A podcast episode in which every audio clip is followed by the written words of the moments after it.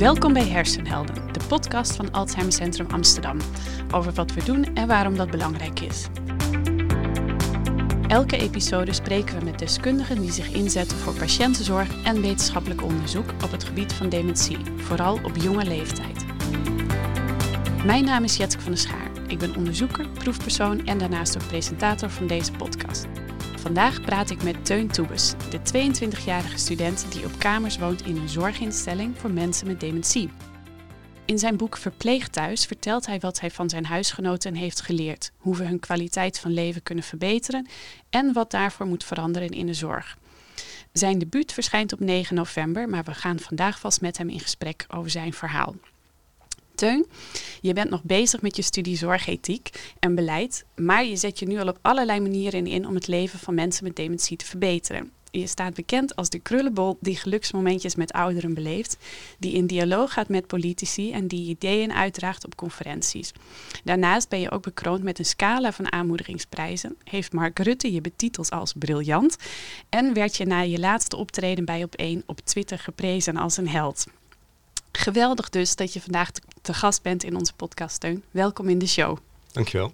Leuk om er te zijn. Ja, en ik zeg eigenlijk uh, welkom in onze podcast, maar eigenlijk moet ik het omdraaien. Hè? Welkom want... bij mij thuis, ja. in het verpleeghuis. ja. ja. want we nemen deze podcast op locatie op uh, in het verpleeghuis waar, uh, waar Teun woont met zijn huisgenoten. En om voor de luisteraars thuis een beetje een beeld te schetsen. we zitten op een linoleumvloer. Boven ons hangt een systeemplafond. En Vanmorgen hebben we een aantal huisgenoten ontmoet. En hopelijk komen er vandaag ook nog een aantal huisgenoten hier uh, op visite. Teun, het was jouw droom om hier in een verpleeghuis te komen wonen. Dat, dat is niet gebruikelijk voor iemand van jouw leeftijd. Um, want het is niet zo dat jij hier bij je opa of je oma ingetrokken bent. Kun je aangeven hoe dat zo gekomen is dat jij hier woont? Ja, ik heb een hele duidelijke missie altijd voor ogen uh, sinds dat ik heb ontdekt dat ik uh, het contact met mensen met dementie fantastisch vind. En die missie is het verbeteren van de levenskwaliteit van mensen die moeten leven met dementie. En tijdens de coronacrisis, uh, bij de start, toen werkte ik in een verpleeghuis. Ja, en ik raakte zo verbaasd over hoe we met mensen met dementie omgaan, in welke mate wij hen betrekken in besluitvorming. Nou, daar kan ik heel kort over zijn, dat is niet. Dus ik maak me oprecht zorgen over de manier waarop we met mensen met dementie omgaan in Nederland. En toen dacht ik, ik kan wachten tot ik later zelf in het verpleeghuis moet wonen. En die kans is 1 op 5 dat ik dementie krijg. Maar als ik dementie heb en ik moet daar wonen, dan heb ik niets meer te zeggen. En nu ben ik 22 en nu kan ik er gaan wonen en nu kan ik uh, proberen om dat systeem mee te veranderen. Toen heb ik de stap genomen om uh, op de gesloten afdeling te gaan wonen. Poeh. Want jij bent een jaar geleden uh, ben je hier ingetrokken. Uh, daarvoor had je al een achtergrond in de verpleegkunde. Als we één stapje terug doen, hoe ben jij eigenlijk in de zorg voor mensen met dementie terechtgekomen? Ja, dat, dat begon bij een ordinaire jonge jongensdroom. Ik wilde altijd ambulanceverpleegkundige worden, dus de acute spoedzorg. Nou, dat heeft natuurlijk een ontzettend sexy imago met fluoriserende pakken, levensreddend handelen. En zo ben ik ook gestart met de opleiding tot uh, verpleegkundige. Um, mijn moeder uh, werkt zelf uh, bij de crisisdienst in de psychiatrie. En zij heeft mij toen aangemoedigd om te starten met die opleiding. Dat heb ik gedaan. Ja, en toen moest ik mijn eerste stage lopen in het verpleeghuis. En dat is toch niet sexy als je dan denkt... ik ga dat ziekenhuis in, ik ga naar die spoedeisende hulp... en dan kom je terecht op een gesloten afdeling voor mensen met dementie. Wie gaat je vertellen dat dat leuk is? Nou, dat kon ik helemaal niet geloven. Dus toen wilde ik stoppen met mijn opleiding. Ik had het gesprek met mijn uh, studieloopbaanbegeleider al gehad. En op het moment dat ik dat tegen mijn moeder vertelde, toen zei zij: uh, Je moet het ervaren. En dat ben ik gaan doen. En vanaf het eerste moment dat ik die gesloten afdeling van het verpleeghuis binnenstapte, toen wist ik: Maar dit is het. Dat contact met mensen raakte me zo. En ik merkte dat dat inktzwarte stigma dat ik had van mensen met dementie helemaal niet klopte in de werkelijkheid. Ja, en toen is mijn liefde voor mensen met dementie ontstaan. Wat mooi. Je, je noemt net iets heel essentieels, het contact met mensen met dementie. Uh, je schrijft ook in je boek dat je ervan overtuigd bent dat je met iedereen uh, nog kan communiceren en dat je iedereen echt kan bereiken. Altijd. Altijd, ja. Terwijl um, ik merk ook om me heen dat mensen het vaak best lastig vinden om te communiceren met iemand uh, met dementie, omdat je van tevoren ook niet goed weet hoe dat zal gaan. Um, hoe doe jij dat? Hoe maak jij contact? Wat, Natuurlijk wat aanpak? vind ook ik dat af en toe lastig. En dat mag ook. Je mag dingen lastig vinden in het leven. Maar wat ik het allermooiste vind, en dat merk ik hier nu met mijn huisgenoten, is dat mijn huisgenoten een jaar geleden toen ik hier kwam wonen, toen konden veel van mijn huisgenoten nog goed spreken. En nu zijn delen van zinnen moeilijk. Ze verliezen hun taal. Maar ik merk dat mijn huisgenoten veel meer gaan knuffelen. Wij liepen net door de huiskamer en met Tineke maak je meteen lichamelijk contact. En dat is iets wat je moet leren, daar moet je jezelf voor openstellen. Want dat zijn um, we in het leven buiten het verpleeghuis minder gewend. Daar zijn we heel erg gewend om uh, verbaal te communiceren. En dat wordt in het verpleeghuis anders.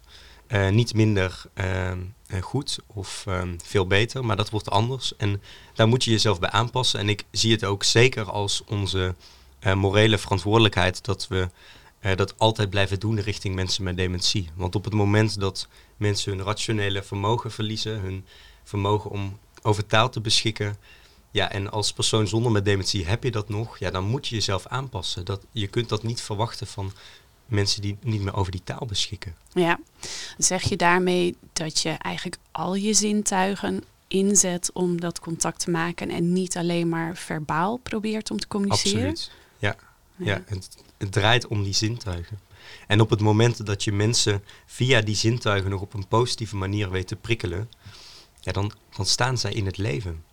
En als we dat niet doen, als we ons laten beperken door iets dat we lastig vinden, wat heeft het leven dan nog voor zin als je niet meer geprikkeld wordt? Ja.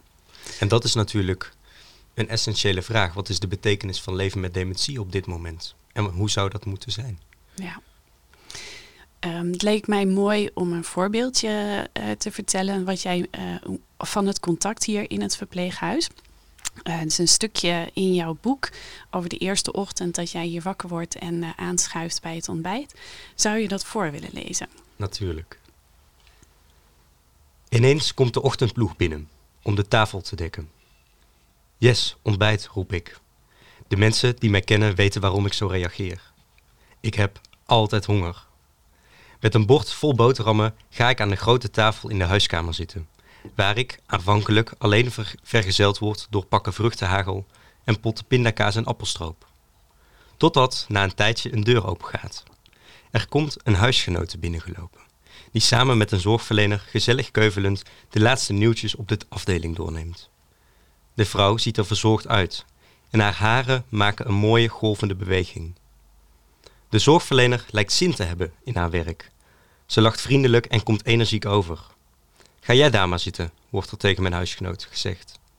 Tineke, reageert ze wanneer ik mezelf voorstel. Ze geeft me een stevige handdruk en een knipoog. En er is geen twijfel over mogelijk het klikt meteen. Dat blijkt even later opnieuw als we samen op de bank ploffen, om uit te buiken na het ontbijt. Door de kapper werd ik gisteren ook weer neergezet. Ik mocht ook weer niet zelf. Tineke denkt na. Nou ja, het is goed. Ik woon hier en ik ben geen ruziemakend mens. En wil ook niet altijd op mijn strepen staan. Maar het wordt mij wel moeilijk gemaakt. Ik vraag me af wat haar precies zo dwars zit. Want zo ratelt maar door. Als mensen vinden dat ze meer waard zijn, moeten ze dat vooral doen. Maar ik moet natuurlijk ook een kans krijgen om mijn eigen leven te leiden. En dat zit er gewoon niet in hier. Ik hou er niet van als alles in mijn leven bestuurd wordt door andere mensen. Daar zijn ze niet voor. Ze zijn er om mensen te helpen. Het is duidelijk dat er iets gebeurd is. En als je zo van streek bent op de vroege ochtend, moet het je wel heel erg hoog zitten. Denk maar niet dat ik de hele dag wil zitten. Ik weet best dat ik dan een beetje recalcitrant word. Maar als ik het daarna mag lozen bij jou, voelt het meteen weer een stuk lichter, zegt ze met een blik in haar ogen die om goedkeuring vraagt. Altijd, Tineke, antwoord ik, terwijl ik haar hand vastpak en merk dat ze langzaam weer een beetje op adem komt.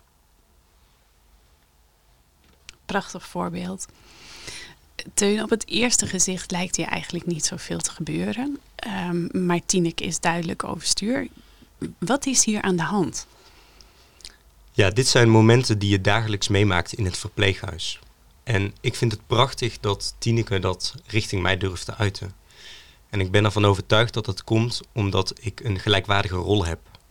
Ik heb niet de rol van kapper of de rol van zorgverlener, dus ik vraag weinig van haar. Zij kan haar gedachten met mij delen, zij kan die geven en ik kan dat ontvangen.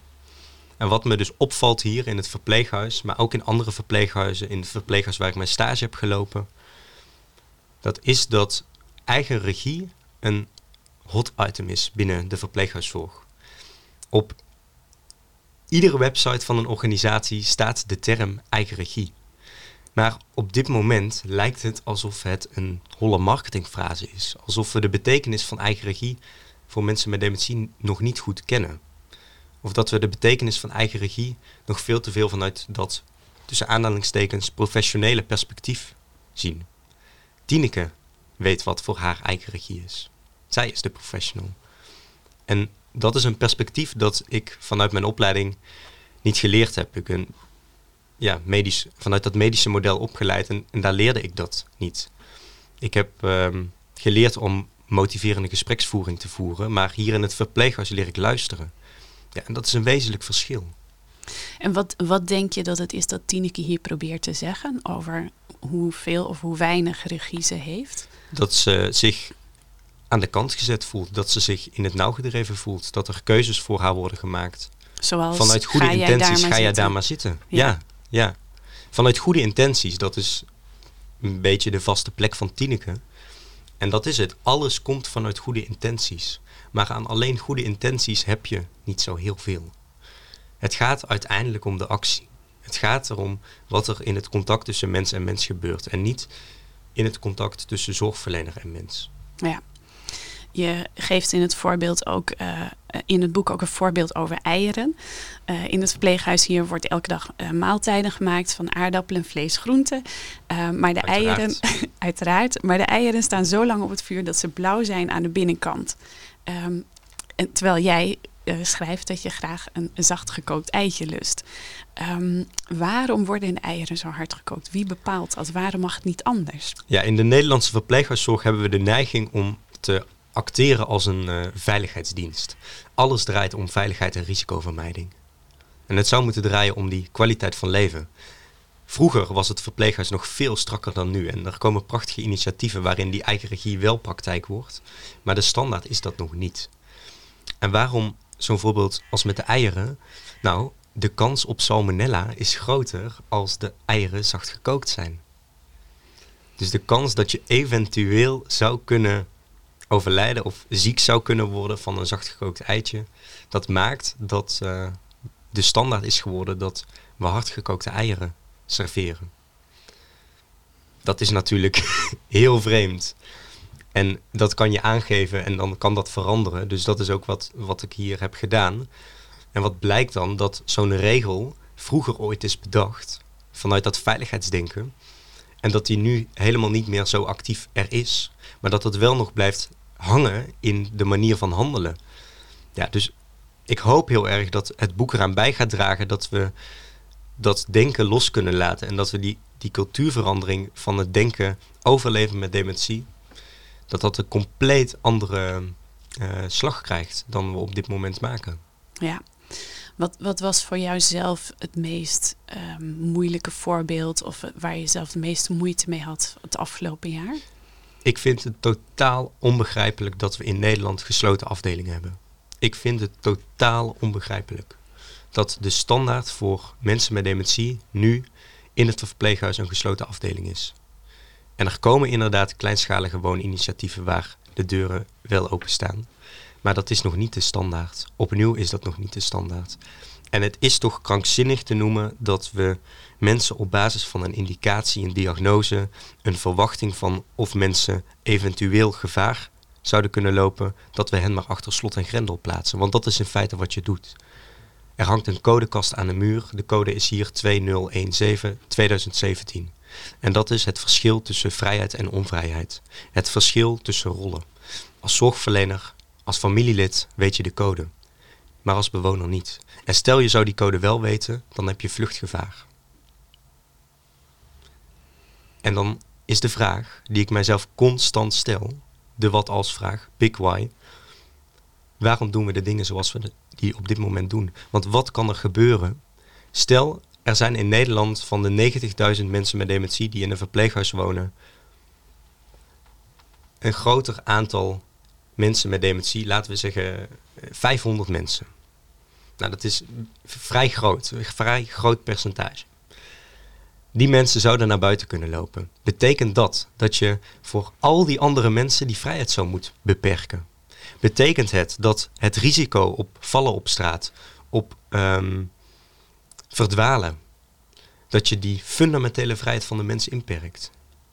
Ik kan daar met mijn hoofd niet bij. En op, dat kan ik niet, omdat je hier in het verpleeghuis iedere dag voelt dat deze huidige manier van werken ontzettend hard schuurt met de meest basale behoeften in het leven.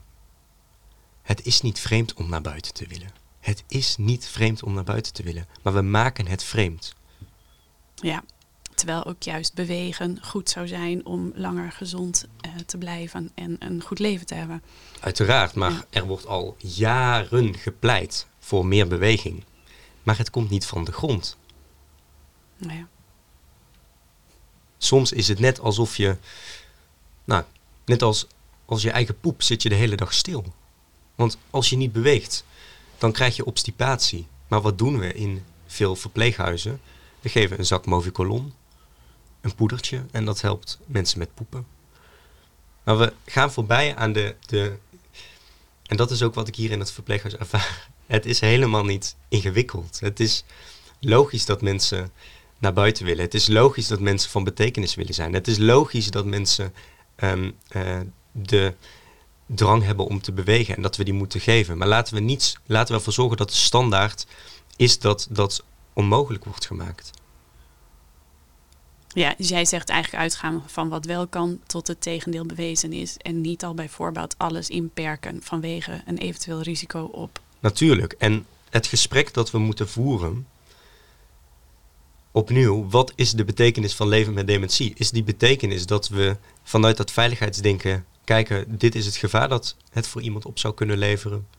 Dus we houden mensen bijvoorbeeld vast of we houden mensen uh, in leven. Het voelt voor mij af en toe alsof, en dat is een. Sommige mensen vinden dat een, een moeilijke uitspraak, maar het voelt alsof mensen niet meer mogen vallen. Het voelt alsof mensen geen heup meer mogen breken, waardoor ze te komen overlijden. Maar wat zou jij willen? Zou jij willen dat jij later, als je dementie hebt, in een rolstoel komt te zitten met een band om je heen en niet meer kan opstaan? Of zou je willen dat je jou die vrijheid wordt gegund en dat je kan vallen en dat je overlijdt? Ja, ik denk dat er niemand is die zegt: doe mij maar zo'n band om. Nee, maar dat is precies de kern van het wonen hier. Dit is mijn leven. Het is niet alsof ik om vijf uur naar huis ga. Dit is, dit is mijn levensmissie. En ik stel mezelf hier ieder moment op de dag de vraag: wat betekent dit voor mij? En die vraag moeten we onszelf gaan stellen. Want we spreken nog te vaak over mensen met dementie als die afstandelijke ander. Maar het zijn mensen zoals jij en ik. Wij kunnen het allemaal krijgen. Ja. En Tineke noemt in dit voorbeeld uh, wat je net voorlas eigenlijk ook iets anders. Hè. Ze geeft ook aan als ik hier iets van zeg of als ik aangeef dat ik iets anders wil, dan ben ik lastig en dan word ik als uh, vervelend beschouwd en dat heeft repercussies of in ieder geval zo ervaart ze dat. Ja. Um, in hoeverre heb jij het gevoel dat bewoners zelf uh, mee kunnen denken over hoe ze graag verzorgd of verpleegd willen worden? Nou, bij dat proces van verzorging, daar ben ik niet bij aanwezig en dat wil ik ook helemaal niet. Want ik wil hen niet kennen als uh, bewoner. Voor mij zijn het huisgenoten. En ik weet ook niet of alles waar is wat mijn huisgenoten mij vertellen, maar dat doet er voor mij helemaal niet toe. Want dat is hun ervaring, dat is hun waarheid. Dus dat moeten we serieus nemen. Ieder woord, iedere letter moeten we serieus nemen die zij mij vertellen. En op het moment dat Tineke vertelt dat zij dat gevoel heeft, dan is dat zo. Ja, wie ben ik dan als huisgenoot om haar te verbeteren? Want mensen worden al veel te veel verbeterd. Maar eh, als je hier woont en je, en je wil andere dingen, ehm, bijvoorbeeld een echte plant uh, in, de, in de woonkamer of sfeerverlichting, uh, in hoeverre kun je dat aangeven? Wordt er naar je Nou, dat is natuurlijk de vraag of dat mensen dat ook zelf aangeven. Ja. En dat is soms ook het lastige, wat we soms lastig vinden van dementie, is dat mensen wel dingen ervaren, maar niet goed de combinatie kunnen maken met aan wie moet je dat dan zeggen? En hoe moet je dat zeggen? En wordt er naar je geluisterd? Hoe kan het dat er een cliëntenraad is die formeel onze stem moet vertegenwoordigen als bewoners? Maar dat ik helemaal niet weet wie er in de cliëntenraad zit. Hoe kan het dat er een cliëntenraad is, maar dat de cliëntenraad vaak te bereiken is met een e-mailadres? Alsof mijn huisgenoten een e-mailadres hebben. En zeker zijn er veel verbeteringen in het verpleeghuis. En het boek gaat ook niet over het verpleeghuis hier. Maar toen ik hier kwam, toen was er bijvoorbeeld ook nog geen internet voor bewoners. Althans niet tot het einde van de gang. Maar dat is knap lastig als je WhatsApp gebruikt om met je vrouw te uh, praten. Wat mijn tegenoverbuurman deed. Ja, Dus het gaat over het, het um, opleggen van eigen normen en waarden op het leven van een ander. En ik vind juist in de laatste fase van het leven, wat het leven in het verpleeghuis wel is, als mensen gemiddeld, en dat is grof genomen een gemiddelde, maar nog acht maanden in een verpleeghuis wonen, op basis van de huidige indicatiestelling, dan is dat de laatste fase in je leven. En dan moet het er altijd om draaien om nog alles uit het leven te halen wat erin zit. Nog plezier te hebben wat je maar wil. En dan is het toch van de pot gerukt dat we zo focussen op die veiligheid. En dan moet je juist iedere uiting van mensen in hun identiteit, ook al heeft Tineke zo'n ervaring, serieus nemen. Ja, terwijl wat nu gebeurt, dat iemand anders bepaalt wat goed en niet goed voor ze is. Naar het gevoel van Tineke, ja. ja. ja. ja. En dat is ook niet iets dat we alleen in de zorg kunnen oplossen. Dat kunnen we niet als zorg alleen. Als we dat in de zorg op konden lossen, dan hadden we niet zo'n grote problemen gehad als, dat, als die er nu zijn. Ja. En daarvoor is dat boek, dat, dat boek, dat is geen boek geschreven alleen voor zorgverleners. Dat gaat over hoe we naar mensen met dementie kijken in onze samenleving. Dat gaat iedereen aan. En om een inclusieve samenleving die gelijkwaardig is en democratisch voor mensen met dementie, om die te hebben, hebben we de samenleving nodig. Je kunt niet inclusief zijn als je mensen met dementie uitsluit. Ja, wat ik uh, schokkend vond, is eigenlijk ook de eerste zin uh, van jouw boek. Dat is een uitspraak van uh, een huisgenoot van jou die ook een goede vriendin geworden is. En zij zegt, het leven hier heeft geen zin. Wij doen er niet meer toe. Dus dan kun je maar beter echt dood zijn. Dat Heftig, is wel een heftige uitspraak. Ja. Ja, het gevoel van uh, een sociale dood. Ja. In hoeverre, Wij doen er niet meer toe. Ja. In hoeverre heb jij het gevoel dat dat uh, haar ervaring is en in hoeverre eh, zie je dat terug bij andere bewoners? Natuurlijk zie, je dat, zie ik dat terug bij andere huisgenoten. Natuurlijk. Uh, dat kan zitten in hele kleine dingen. Als ik mag niet meer bepalen wanneer ik naar buiten ga, of ik mag niet meer bepalen wanneer ik een biertje drink. Of... Dat zijn allemaal gevoelens die mensen hebben. En ik kan heel goed begrijpen dat je het gevoel hebt dat je er niet meer toe doet. En dat je jezelf de vraag stelt: wat is de betekenis van mijn leven als ik luister naar smartlappen in een groep mensen die ik niet meer ken? Wat is de betekenis van mijn leven als een diepgaand gesprek niet meer tot het normaal behoort? Wat is de betekenis van mijn leven als de rollen met mijn kinderen zo ontzettend veranderen nu ik niet meer in mijn eigen huis woon? Dus dat zijn hele existentiële vragen waarin we nou, in de zorg waar we aan voorbij schieten, waar we, waar we niet aan toekomen. En, en nou, dat vind ik ook een stigma rondom dementie, alsof mensen met dementie zich niet meer willen ontwikkelen. Mensen ontwikkelen zich op een ander niveau. Ik heb bij mijn huisgenoten zo'n grote ontwikkeling gezien. Als ik kijk naar het moment dat ik hier kwam en het moment nu. Maar die ontwikkeling die zit hem in de relatie die ik met hen heb. Die zit hem in dat ik echt van hen ben gaan houden en zij van mij. Dat wij nu goedemorgen zeggen met een knuffel en dat we precies weten wat we voelen. Dat is ook ontwikkeling. Nou ja, en ik vind het heel treurig als mensen het gevoel hebben dat uh, het leven geen zin meer heeft. Alsof je al afgeschreven bent. Ja. Alsof je al dood bent voordat je hart stopt met kloppen. Heftig. Jouw boek is een hartekreet van de jonge zorgvernieuwer, staat er op de achterkant. Uh, want het is niet jouw doel om uh, kritisch te zijn, om kritisch te zijn, maar echt om de zorg te verbeteren. Dus als jij nu degene was die het beleid mocht maken, um, of mensen mocht adviseren die werken in de zorg, of iets zou mogen zeggen tegen omwonenden of naasten, wat zou je dan mee willen geven? Hoe kan het beter? We moeten gelijkwaardigheid doorvoeren tot in de kern van ons denken en doen. Tot in de kern.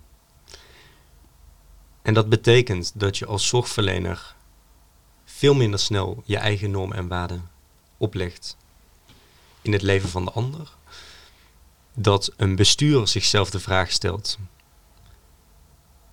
maar waar is de stem van de bewoner? Waar is de werkelijke stem van de bewoner? Want de stem van een cliëntenraad is niet hetzelfde als de stem van een bewoner.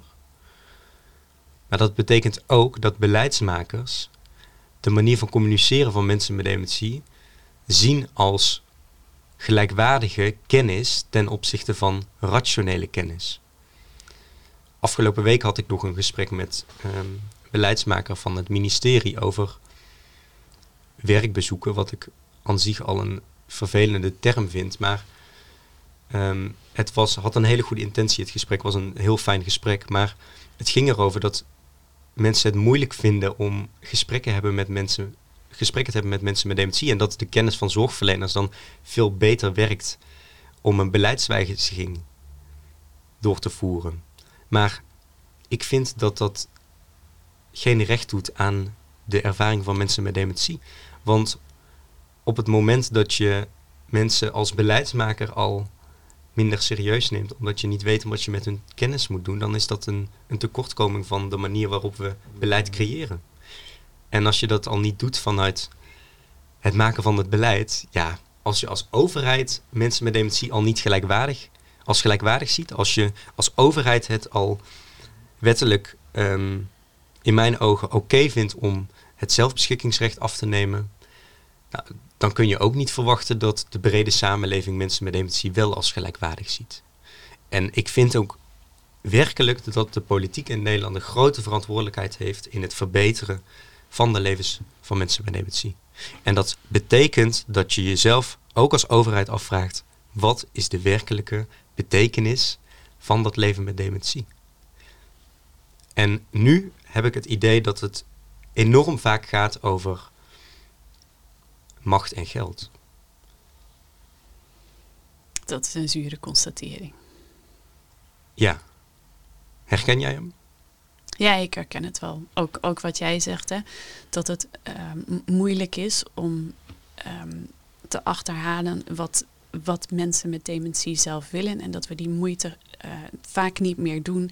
En dat er over hun hoofd uh, wordt um, gepraat en wordt gezegd, ja, wij denken dat dit beter is zonder, zonder dat vragen. Terwijl um, ik er ook van overtuigd ben dat mensen met dementie zelf echt nog wel aan kunnen geven uh, wat ze wel willen en ook wat niet. En dat we in ieder geval uh, moeten proberen om dat recht op zelfbeschikking en die autonomie uh, zo lang mogelijk te respecteren, zo, zo goed als, als dat nog gaat. Ja. ja. en in het begin vertelde je over op één. Maar die gelijkwaardigheid, die, de media heeft daar ook een ontzettend grote rol in.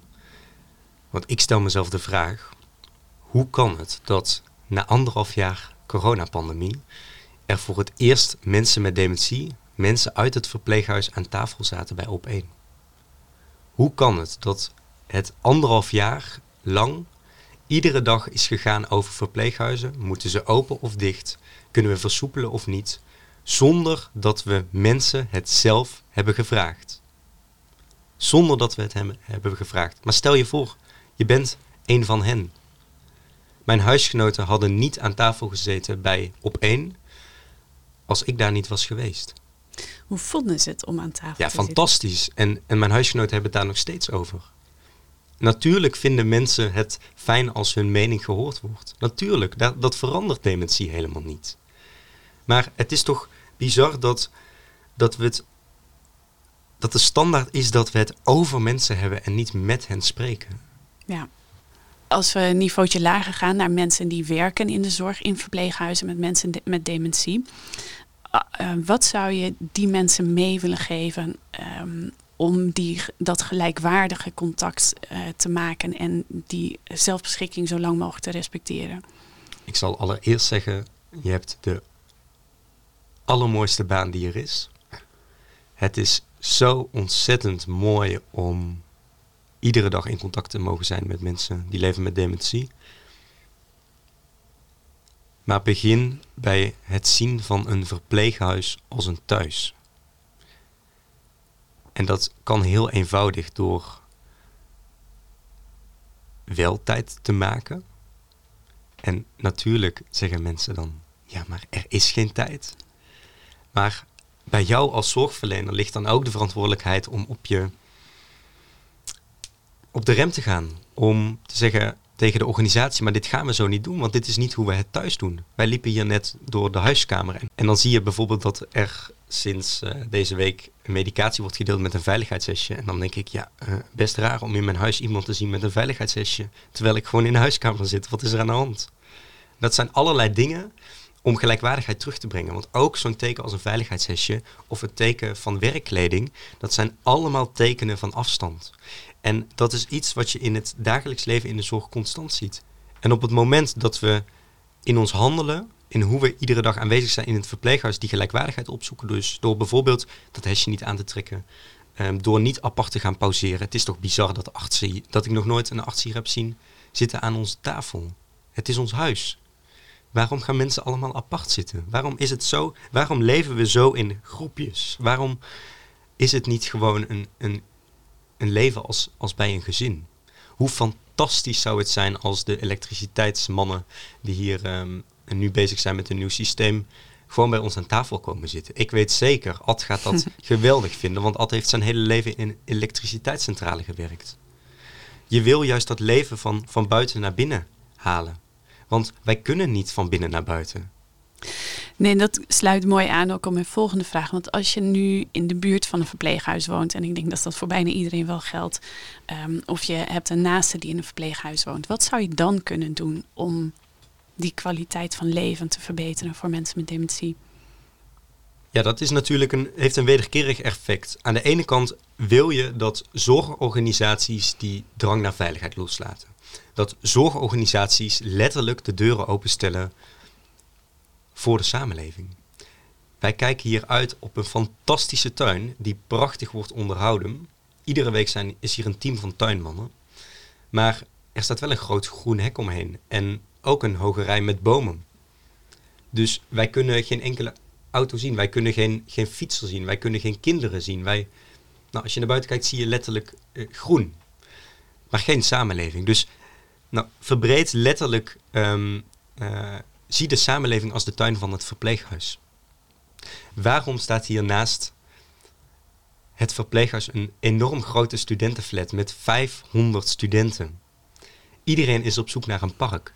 Zet de poorten open. Zorg zo voor verbinding. En dat is nu op deze specifieke situatie. Maar dat is, ik ben daarvan overtuigd, bij iedere organisatie zijn er zoveel mogelijkheden. Maar die moeten we wel zien. En dat betekent dus als je mantelzorger bent, als je gewoon random iemand bent die helemaal niemand met dementie kent, maar wel iets voor een ander wil doen, stap gewoon dat verpleeghuis binnen. En als je dat spannend vindt, ga dan in ieder geval in de buurt zitten. Dat mochten mensen voorbij komen, dat je dan van betekenis kunt zijn. Ja.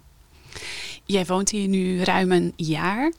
Hoe is het voor jou en jouw sociale leven dat je hier woont? Komen jouw vrienden hier op bezoek zoals ze dat zouden doen eh, als wanneer jij zelf in een studentenhuis zou wonen? Ik heb nieuwe vrienden. En dat zijn mijn huisgenoten geworden. Ik vind het prachtig dat ik iedere avond voetbal mag kijken met Ad. ik houd helemaal niet van voetbal. maar het is wel leuk, want het schept wel een band tussen ons. En de relatie met mijn vrienden die is nog steeds ehm, goed. Ik spreek hen eh, nog veel, alleen ik zie hen minder uh, fysiek. De drempel om het verpleeghuis binnen te stappen is toch nog altijd groot. Terwijl je hier ook gewoon een vrijdagmiddagborrel hebt. Zeker, ja. ja. Hoe lang uh, blijf je hier nog wonen? Ik heb geen einddatum.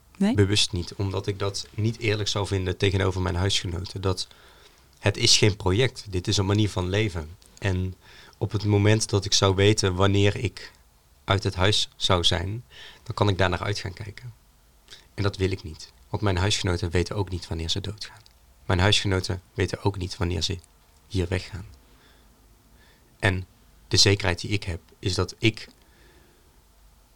ga in mijn leven nog wel ooit op een andere plek wonen. Maar mijn huisgenoten, hoe hard het ook klinkt, overleven het verpleeghuis niet. En dat brengt me weer tot de kern waarmee we begonnen. Dat we onszelf opnieuw de vraag moeten stellen: wat is de betekenis van dementie, leven met dementie in het verpleeghuis?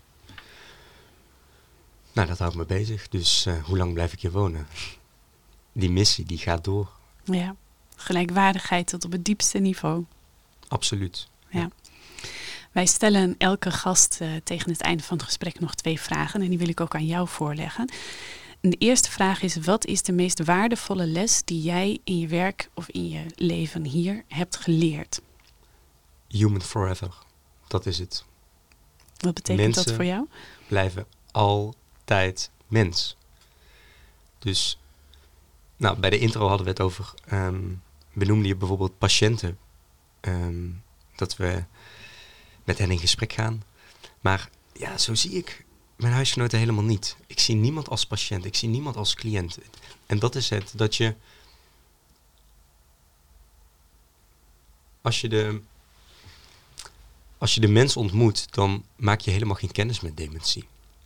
Dat doet er helemaal niet toe. Mijn huisgenoten spreken nooit over dementie. Mijn huisgenoten zijn in de veronderstelling dat zij geen dementie hebben.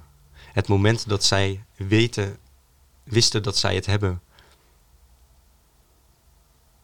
dat, dat zij leven in een andere fase. Dus dementie, dat is hier helemaal geen dagelijkse bezigheid. En dan kun je de mens ontmoeten. Dus blijf vooral doen richting personen zoals je altijd hebt gedaan. En beweeg met mensen mee. En dan blijf je altijd, altijd de mens zien. En dat wil je. Dat zou jij willen, dat wil ik, dat wil de luisteraar. Je wilt altijd Tineke, Leni, Ad, Eugenie, Muriel, wie dan ook. Je wil altijd jezelf blijven. Mooi.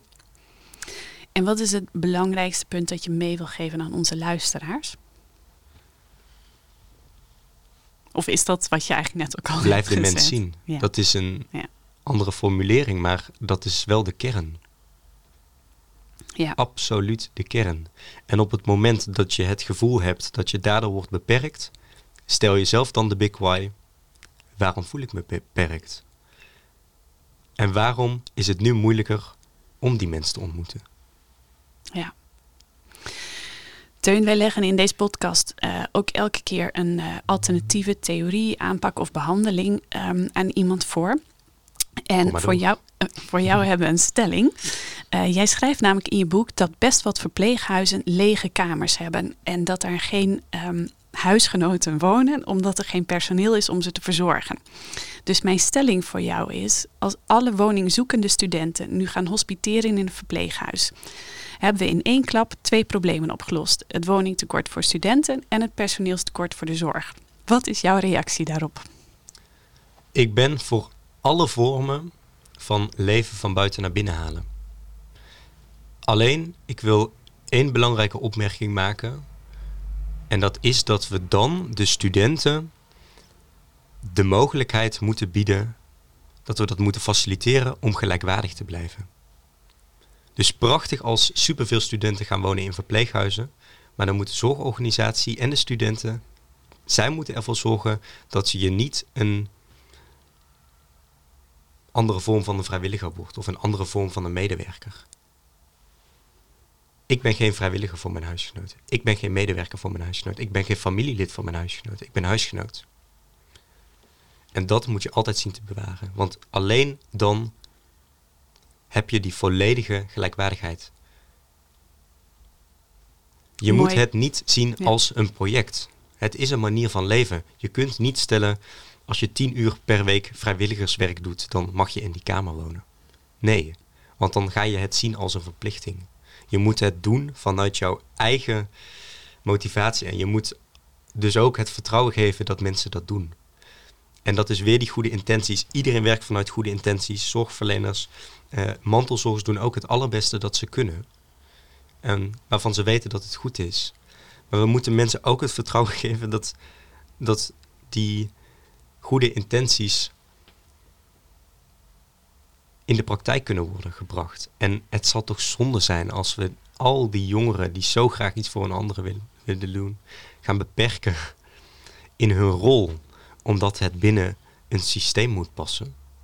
En daarom is het boek zegt niet dat we een aantal regeltjes moeten aanpassen waarmee we dat systeem verbeteren. Nee, het boek pleit voor een cultuurverandering waardoor we compleet anders naar mensen met dementie gaan kijken, waardoor we die hele zorgcultuur veranderen. Ja, En dat is nodig. het is gelijkwaardigheid van mens tot mens met of zonder dementie. Ja. Ja, Het is kinderlijk eenvoudig, maar we zijn er zo ver vanaf geraakt. En dat is toch treurig. ja.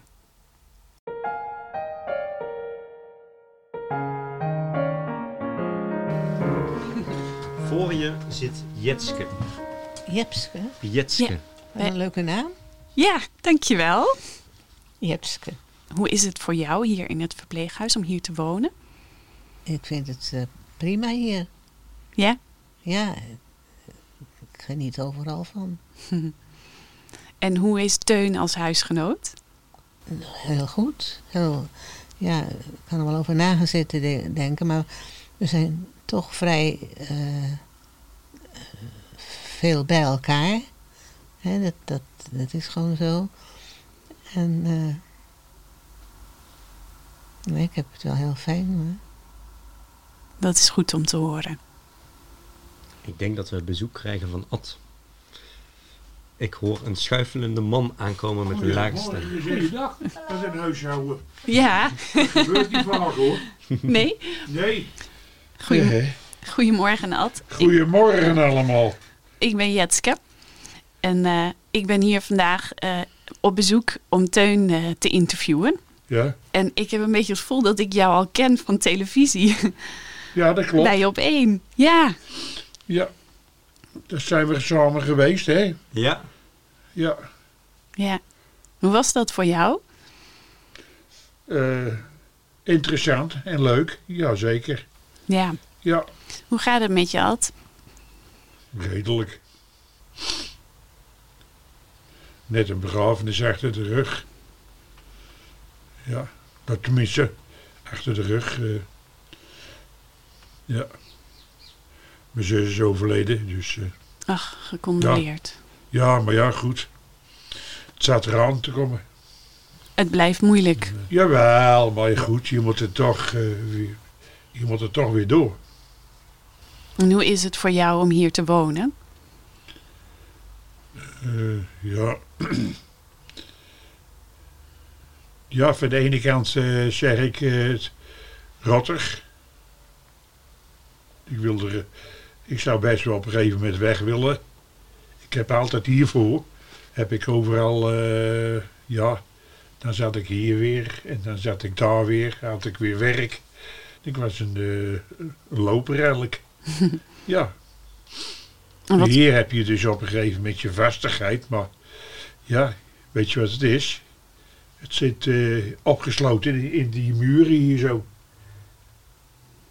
Hij kan weg, ik kan niet weg. en waar zou je naartoe willen? Nou, eh, hier, de stad in.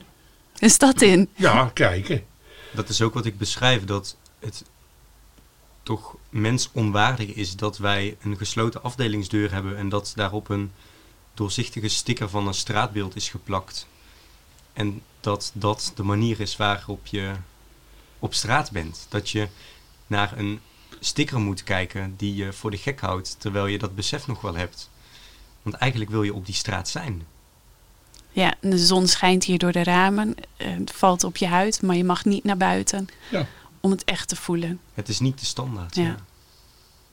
Dat vind ik het, eh, het bezwaarlijke. En daar heb ik vanaf de eerste dag al tegen aangehikt. En dat doe ik nog. Ja.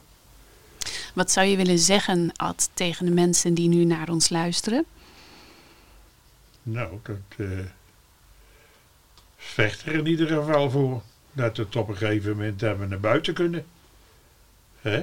Op dit moment zijn er zoveel mensen, net zoals Ad en Tineke, die nu leven. Die levenskwaliteit is zo eenvoudig te verbeteren met wijzigingen in het dagelijks leven. En dat vraagt iets van ons als samenleving. En daar zitten wij onszelf voor in. Ja. Wat is de reden dat het eh, verpleeghuis eh, jou de ruimte geeft om hier te wonen en om zo vrij te spreken over eh, hoe jij het ervaart? Omdat ook zij erkennen dat er grote problemen zijn in de huidige zorg. En dat we alleen kunnen veranderen als we zelf eerlijk durven te kijken naar hoe we iets organiseren. Nou, ik geloof eh, dat als je ze neemt dan daar zo, stuk voor stuk, er is er geen één bij je die je zegt op een gegeven moment, nou Ad, je mag naar buiten hoor. Ga je maar hier aan. Nee, is er niet. Is er nou niet, is er over tien jaar ook niet. En daarom is dat gesprek hard nodig. Ja. Nou, we vinden het in ieder geval heel bijzonder en heel belangrijk en heel waardevol dat we hier vandaag mogen zijn. En eh, dat jullie ook ehm, je verhaal vertellen en je stem laten horen. Ja, En dat het eh, verpleeghuis de deuren ook openstelt om samen eh, te kijken hoe het beter kan. Jouw boek eh, biedt een heel mooi startpunt ehm, om daar zelf mee aan de slag te gaan, om daarover na te denken en eh, om er hopelijk iets mee te doen. Teun, ik wil je ontzettend bedanken voor jouw tijd in eh, een hele drukke periode met de lancering van je boek. Ehm, en ik wil luisteraars van harte op het hart drukken om het boek te lezen. Het is een prachtig, kritisch en warm boek ook, eh, wat uit je hart geschreven is. Ehm, dus wil je je inzetten om eh, het leven en de zorg van mensen met dementie te verbeteren, eh, lees Het Verpleegthuis, of Verpleegthuis moet ik zeggen. Vanaf 9 november is het te koop in de boekhandel bij jou in de buurt. We hebben deze episode opgenomen op 24 oktober 2021 in het verpleeghuis in Utrecht, waar Teun met zijn huisgenoten woont. Met dank aan Mark Brouwer die achter de knoppen zit. Wil je meer weten over Alzheimer Centrum Amsterdam? Dan vind je ons op Twitter, Facebook, Instagram en LinkedIn als je zoekt op Alzheimer Centrum Amsterdam. Heb je een vraag of opmerking over deze podcast? Stuur dan een mail naar hersenhelden.amsterdamumc.nl. Tot de volgende keer.